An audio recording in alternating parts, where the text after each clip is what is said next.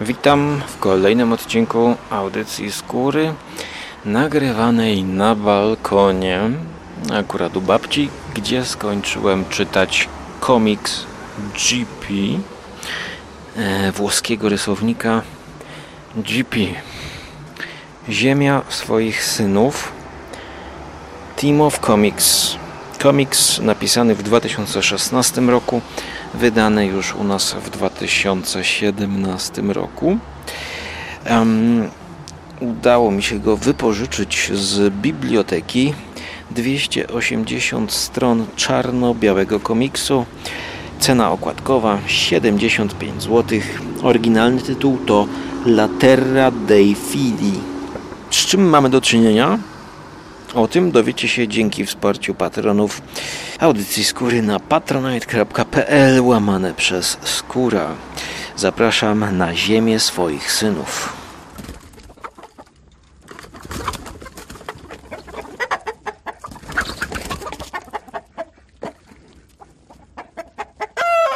W tle możecie słyszeć przystanek autobusowy, autobusy. Jak zaczyna się ta opowieść? Przyczyny i motywy, które spowodowały koniec, mogłyby zapełnić całe rozdziały w księgach historii, ale po końcu nie powstanie żadna księga. Zaczynamy opowieść od sceny dziejącej się w jakimś nieokreślonym polu. Być może jest to pole ścięte, jakaś słoma ścięta, a może jest to jakieś pogorzelisko. Początkowo nie wiemy, czy ta przyroda, która tutaj jest malowana, to czy jest to piękna przyroda, czy już przyroda po apokalipsie. Natomiast to, co robią główni bohaterowie, dwaj bracia, to świadczy o tym, że obserwujemy świat po jakiejś apokalipsie, gdyż w pierwszej scenie oni polują na psa. Na psa, którego zwabiają i zażynają. Piękny pies, co nie? Spodoba mu się. No i idą przez jakieś pola z tym psem zabitym. Przechodzą przez pola w pewnym momencie, gdzie są różnego rodzaju, czy to wysypiska, czy to jakieś pogorzeliska właśnie, czy ogólnie rozkład, rozkład kości. E, niosą tego psa gdzieś. I okazuje się, że niosą tego psa przez jezioro również, płyną łódką do swojego domu. Do domu na jeziorze e, taka jakaś, nie wiem, to jest tratwa, taki dom dryfujący jakby dom, e, wybudowany być może na balach, gdzie czeka na nich przypominający jakiegoś owłosionego rybaka ojciec. Ojciec, z którymi oni mają ciężkie stosunki. Te stosunki są nieokreślone do końca. I te stosunki będziemy poznawać przez cały komiks. Jaka tutaj jest relacja na linii ojciec i synowie, bo matki jak na razie nie widać. Ale ci synowie weseli przynoszą zabitego psa, i pierwsze tutaj spięcie, pierwsze niedopowiedzenie, zagadka, Dlaczego ojciec pyta, czy on już tak leżał? Mm, czy był martwy? Czy oni go zabili? Skąd go macie? Czy ty go zabiłeś? E, pytanie, co się robi, kiedy zabije się jakieś zwierzę? Trzeba rozpruwać i patroszyć, zanim rozleje się po flakach żółć. A wy niczego nie zrobiliście. I tutaj widzimy, że ojciec już doświadczony, doświadczony łowca wie, że pies został złapany w pułapkę, że nie był to pies, mm, który był martwy już i został znaleziony, tylko że to było zrobione wbrew jakiemuś przyjętemu prawu i wbrew temu, co ojciec uczy tych synów. I tak zaczyna się ta nasza postapokaliptyczna historia. On nazywa ich imbecylami, o tym wyrwaniu flaków jak psów, e, rodzą się wzajemne podejrzenia. I zanim przejdę do dalszej e, historii, o czym to jest, powiem o stylu graficznym. I tutaj będę miał ambiwalentne odczucia. Znaczy, nie, źle powiedziałem. Styl graficzny jest na swój sposób przepiękny i łączy piękno i brzydotę jednocześnie. Drobne pociągnięcia jakimś piórkiem, pokazujące ulotność przyrody. Powiedziałbym, że styl tej kreski jest taki delikatny i zwiewny, niczym e, jakaś trawa na wietrze albo tatarak na jeziorze. Bardzo dużo tutaj jezior w tym komiksie, e, różnego rodzaju rzek, tak jakby ten świat apokalipsie został zalany, jak w filmie Waterworld z Kevinem Costnerem. Mm, natomiast jest tutaj o wiele brudniej. Ludzie chodzą w obdartych ciuchach, gdzie niegdzie widać emblematy starej przeszłości, przeszłości, którą znamy my. Na przykład będzie to koszulka z napisem Hotel California, a gdzie indziej e, kurtka z napisem Evin coś takiego. I ten styl pokazuje nam z jednej strony ulotność tego wszystkiego, ulotność, czyli taką efemeryczność. To wszystko jest rozpadające się, a z drugiej strony brzydota. Brzydota rozpadających się, gnijących ciał, które tutaj są porozrzucane w tej przyrodzie. E, czy to ciała właśnie martwych zwierząt, czy to ciała ludzi. Ludzi, których się kopie pod e, wodą, e, których się wiąże i obciąża najprawdopodobniej, żeby nie wypływały, żeby, żeby nie straszyły. Mm, tych ciał oczywiście później nie można tykać. Czy ta rzeka i czy te jeziora to są skażone? Mm, nie wiem. Jest to trochę dziwne. Jest to trochę bez odpowiedzi, co się stało. Na okładce okrąg biały na czarnym tle. Albo jest to księżyc, albo jest to słońce, albo widok ze studni, widziany mm, z dołu studni, kiedy stoimy w studni i patrzymy do góry na niebo. I teraz um, pierwsze skojarzenia um, to jest komiks włoski, ale ja miałem skojarzenia do tej francuskiej fali e, filmów, um, gdzie francuska ekstrema, o, tak to się chyba e, potocznie nazywa.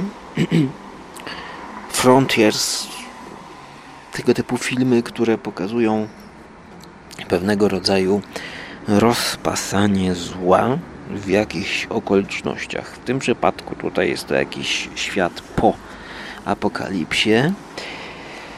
Dodatkowo połączone jest to z postaciami y, dziwnymi, czyli mm, dwóch wodogłowych mutantów. I tutaj y, jest to y, znowu rodem z Wesa Cravena i wzgórza mają oczy. Można by powiedzieć, to jest trochę taki komiks Jeziora mają oczy, bo nie ma tu żadnych wzgórz, tylko jeziora, tataraki, wodne trawy jakieś i fabryki. Fabryka mm, w drugiej części komiksu.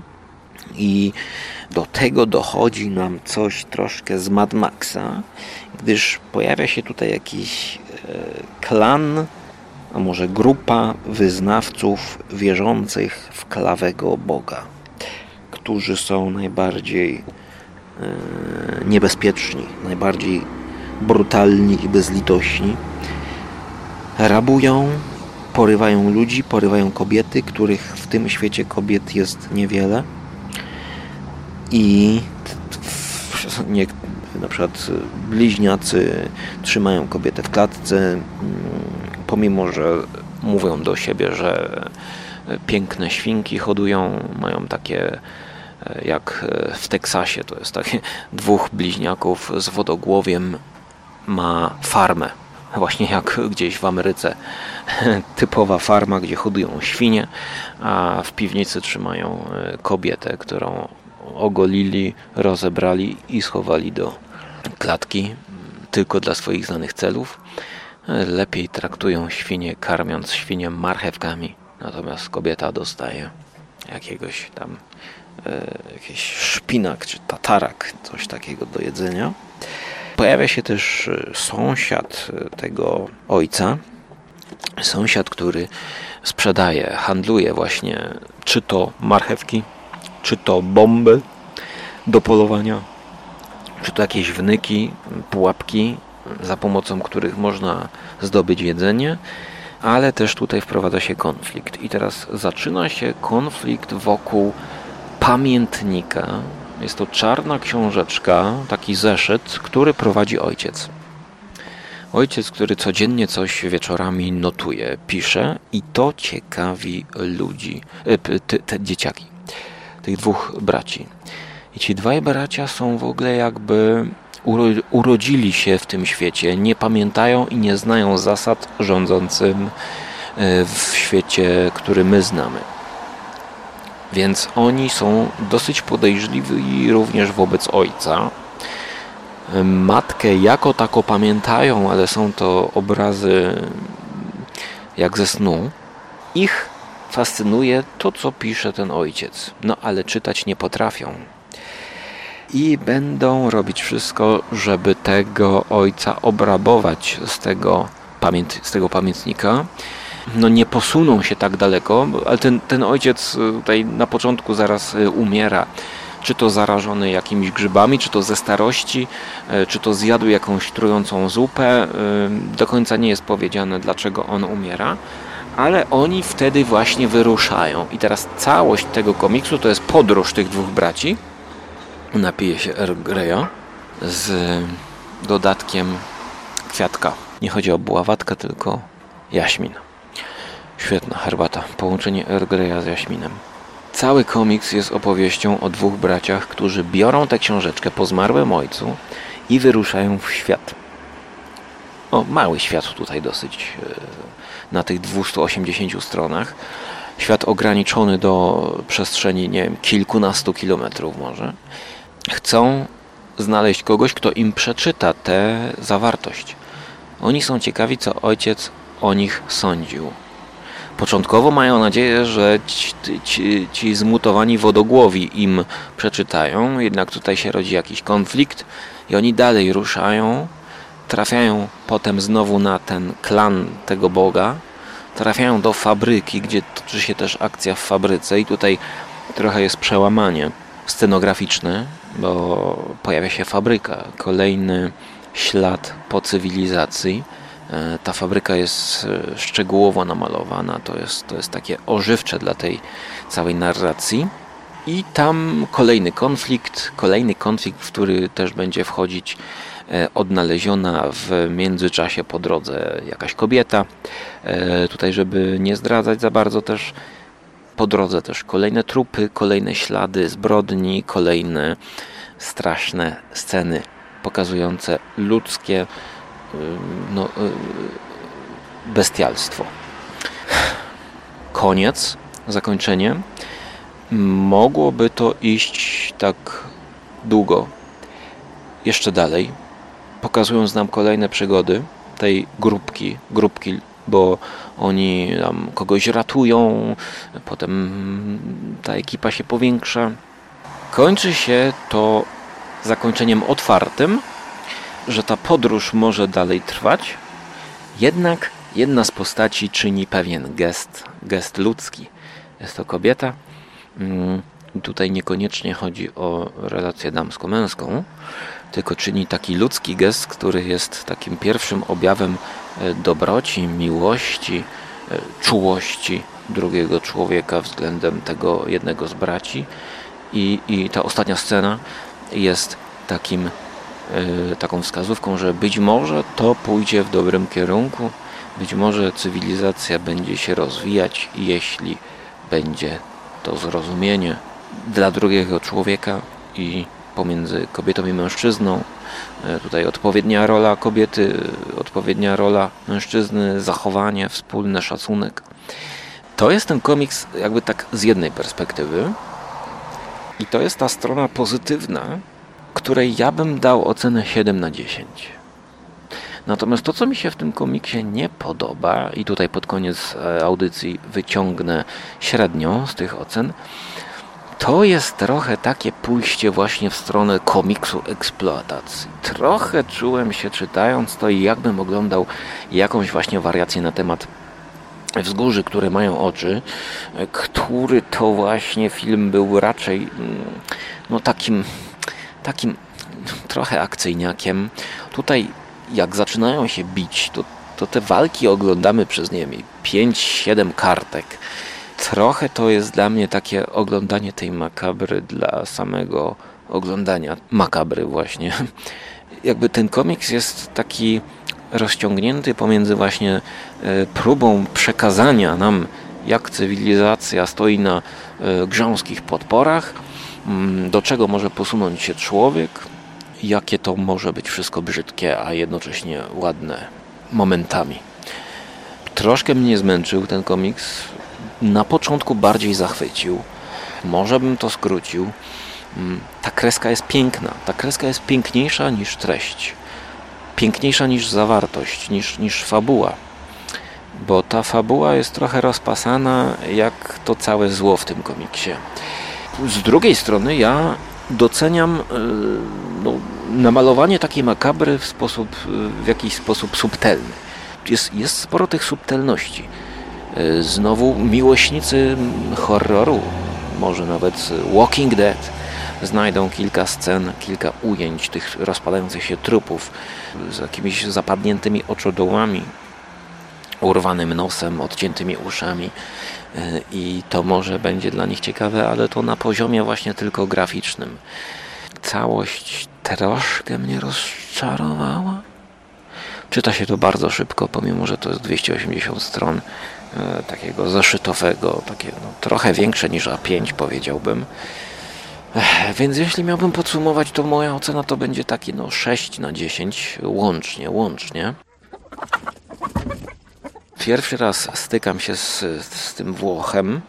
Totalnie nie wiem, co on jeszcze narysował. W ogóle też na przykład dużo pytań tutaj jest bez odpowiedzi, no bo pojawia się w pewnym momencie postać kata. Kata, który wyzywany jest po to, by mordował, który chodzi cały czas w o, o takich pływackich okularach. Czy o, o co chodzi? Ściąga te okulary takie pływackie, takie płetwonurka, okulary, to, to jest takie jak zestaw do nurkowania. No, ja rozumiem, że w świecie Mad Maxa wszyscy mają jakieś różnego rodzaju emblematy, stroje, żeby nastraszyć kogoś. Ale po co ten facet chodzi i utrudnia sobie widok? Czy, czy to jest efekt? Czy to ma być efekciarstwo? Dlaczego jedna z tych postaci ma jakieś takie uszy jak, jak diabeł? Pomimo, że to jest postać, która ten Arigo, pomimo że jest to postać, która na początku e, widzimy, że pamięta, pamięta e, świat z przeszłości i, i miał trochę te uszy bardziej takie łagodne, a tutaj wygląda jak jakiś golum. Trochę pytań jest bez odpowiedzi. Te zęby, zęby tutaj też są często przedstawione jako takie zęby drapieżników, a mówi tutaj o zębach ludzi. No i, właśnie mm, ciężko jest jednoznacznie ocenić ten komiks, dlatego że kadry piękne sąsiadują tutaj z kadrami zadziornymi. A wszystko namalowane jest tak, jakby padał deszcz. Czy może było wszystko za jakąś mgłą? Czy może to jest jakiś pył, który unosi się w powietrzu? Ta kreska drży, rusza się, jest że tak powiem, mm, na naszych oczach po prostu żyje. Ta, ta, ten komiks żyje. Natomiast młodzi bohaterowie, ci bliźniacy, e, nie, nie bliźniacy to są bracia. Bracia namalowani są z jakąś taką łagodnością, która to łagodność też pojawia się na twarzach kobiet wszystkich, jakie tutaj się pojawiają, co, co też jest ciekawe. Natomiast no, ten cały gang, ten, ten klan klawego boga jest dla mnie no, trochę przesadzony i też y, ten, czy to nazywać McGuffinem, to, to co napędza nam fabułę i historię tej opowieści Drogi po części, to jest ta książka, ten czarny zeszyt, pamiętnik, który cały czas nie jest rozszyfrowany i tak naprawdę my też będziemy błądzić i zastanawiać się, co tam może być napisane i ani razu nie będziemy mogli wgryźć się w treść tego. Chociaż mamy tutaj genialną scenę, Bo pomimo tego, że my, wcielając się w głównych bohaterów, dostajemy ten pamiętnik, to my go przez pięć kartek możemy czytać. I otwieramy każdą kolejną kartkę i widzimy tak, jakbyśmy oglądali przedruk tego zeszytu czarnego. Ale litery, jakie są tam napisane, są zupełnie nieznane. Czyli ty, czytelniku, też nie umiesz czytać, tak samo jak ci bohaterowie nie umieją czytać, więc ty się możesz wczytywać, patrzeć na to i nic z tego nie zrozumiesz. Y, świetny pomysł, y, jeśli chodzi o narrację, bo widzisz te litery, ale nie możesz ich odczytać, bo to są jakieś bazgroły, tak? to są jakieś litery, których, których nie znasz. Ten zeszyt jest poplamiony, stary, tak? I, i ciebie to będzie nurtowało więc też będziesz chciał przeczytać ten komiks. Komiks też, ale ten książkę, więc będziesz czytał dalej komiks. Ale znowu z drugiej strony, jakie są ich motywacje? Czy, czy naprawdę tak bardzo im zależy na tym komiksie, na tym, na tym zeszycie? Ja tego nie kupowałem z tego powodu, że z jednej strony oni są podejrzliwi, oni mordują, oni e, są trochę bestialscy, ci chłopak, te chłopaki, a z drugiej strony zależy im na jakimś skrawku papieru, że ktoś tam coś tam napisał. Trochę dla mnie ta motywacja, ten, ten motor napędzający tę opowieść jest dla mnie jakby taka mm, troszkę naciągana, bo, bo, bo jeżeli to są bestie, które mordują psa na początku, dlaczego oni mieliby iść w świat dla komiksu? Czy oni po prostu nie mogliby iść w świat po w poszukiwaniu pożywienia, w poszukiwaniu najprostszych rzeczy do przeżycia, a nie w poszukiwaniu jakiegoś głębszego sensu, a co tam ktoś napisał w czarnej książeczce, bo to jest, będzie Biblia i, to, i ta książeczka nagle okazuje się bardzo ważna dla, dla grupy tych zwyrodnialców, e, którzy porywają kobietę i będą ją gwałcić, rozwalać jej twarz. To wszyscy powołują się na tę książeczkę. No, może to jest metaforyczne, że wszyscy się powołują na jakieś książeczki, i usprawiedliwiają tym swoje czyny, ale, ale w świecie przedstawionym dla mnie to to było po prostu takie no, na siłę, takie, takie że, żeby no, dla mnie to po prostu nie gra. Dla mnie to, to się nie trzyma. E, bardziej e, podobało mi się chęć przeżycia, jaka była u Cormaca McCarthy'ego w drodze bodajże. E, to też dobry chyba materiał na komiks, żeby go zadaptować. Tutaj mamy do czynienia z oryginalnym komiksem. Ale hmm, Ziemia swoich synów dostaje ocenę 6 na 10. To jest coś dla miłośników e, lat 80. Właśnie wzgórza mają oczy, powiedziałbym. E, science fiction trochę, ale takie science fiction e, postapokaliptyczne z jakąś zagadką. Tak, no to nie był stracony czas, ale mam swoje uwagi mam swoje uwagi bardziej co do fabuły niż do stylu rysownika. Jeżeli coś jeszcze wyczaje GP, GP, nie wiem jak to się czyta, bo to Włoch GP, GP, z chęcią sięgnę po kolejne jego dzieła. A tymczasem ja pozdrawiam wszystkich patronów. E, ostatnio doszedł jeden patron e, i wszystkich, którzy nie są jeszcze na facebookowej grupie, to E, proszę wysłać zaproszenie albo zobaczyć w spamie zaproszenie do patroni z kury. No i oczywiście dziękuję za wsparcie wszystkim, którzy lubią moje audycje i mam nadzieję, że usłyszymy się w przyszłości, która nie będzie tak straszna jak w komiksie. Ziemia swoich synów. No i o co chodzi w tym tytule? To jest ziemia swoich synów, czyli synowie, no to właśnie ci bohaterowie, dzieci tego ojca, ta ziemia jest już ich. Tak. Oni teraz przejmą kontrolę nad tym światem i będą go kształtować wedle siebie. A czy będą go kształtować dobrze czy źle, no to zależy według y, tutaj tego komiksiarza, tego czy, czy zobaczą dobro, czy zobaczą potencjał w drugim człowieku, i czy będą mieli tą uważność, tę, czułość do drugiego człowieka, a jest nadzieja, tak? Pojawia się na koniec promyk nadziei, gdyż kobieta po prostu potrafi uczynić cuda. W tym świecie, który jest przesycony złem, to tutaj kobieta jest wywyższona do rangi zbawiciela wręcz. No właśnie. Co mówisz? Co mówisz? Mówię, że ten film miałeś obejrzeć pół do siódmej i już jest pół do dziewięć, pół do ósmej. Która jest godzina? Ósma. Oglądamy, tylko muszę iść do Stokrotki y, jakieś chipsy kupić. Aha. I w, za 15 minut, czekaj, która jest godzina? cały się ty w nos, a myślisz, że... A ty babcia już idziesz spać, jak jest która jeszcze? Dopiero siódma godzina przeco. Tak, siódma. No a która jest? Nie wiem. No właśnie. Masz tutaj zegarek, czekaj. Oglądamy babcia, cofamy się do 1956 roku. No, 7.30. No, Dobra, to ja za 15 minut wracam i kończę. ile ten film trwa? Półtorej godziny. Written on the Wind. To już jest za późno, bo tu do dziewiątej, to ja chcę obejrzeć tę serię.